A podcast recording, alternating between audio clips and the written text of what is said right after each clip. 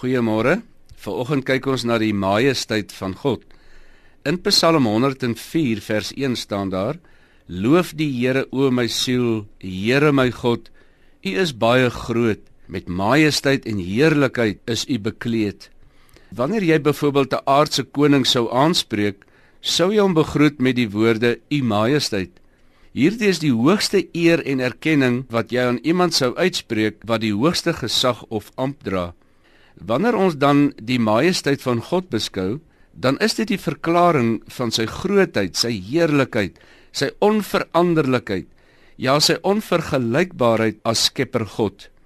Alhoewel ons geen sigbare beeld van hom het nie, is sy heerlikheid en majesteit tog sigbaar in die natuur en die werke van sy hande in die manier hoe dat hy sy gesag uitoefen en hierdie onsigbare beeld wat die Bybel beskryf dwing enige gelowige tot diepe ontzag en vrees wanneer jy bewus word van sy nabyheid Ek dink aan manne soos Moses en Jesaja, Paulus wat iets van hierdie beeld van God beleef het en die vrees en verandering wat hulle lewe gekenmerk het.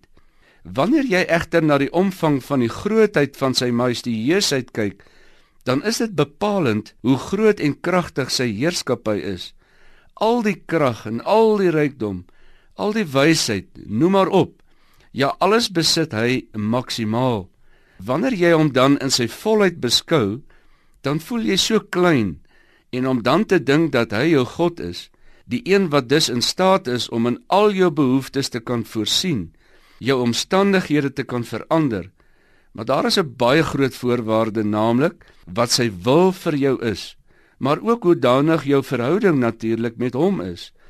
Daar is 'n kosbare teks in Deuteronomium 10 vers 12 en 13 wat soos 'n goue draad reg deur die Bybel loop wat sê: "En nou, Israel, wat eis die Here jou God van jou as net om die Here jou God te vrees en al sy weë te wandel en hom lief te hê en die Here jou God te dien met jou hele hart, met jou hele siel om te hou die gebooie van die Here en sy insettinge wat ek jou vandag beveel dat dit met jou goed kan gaan. Die Here God is dus tot alles in staat omdat hy alles besit. As erfgenaam behoort jy aan hom en hy het homself tot jou verbind. Maar hy verlang 'n opregte, lewende verhouding met jou wat nie slegs as 'n noodwiel vir jou moet regstaan nie, maar die een wat jy met jou ganse lewe aanbid en verheerlik. Vader, wat 'n wonderlike voorreg is om te besef dat U majestueus groot is. U is soewerein. U is God en dankie dat U ons liefhet. Amen.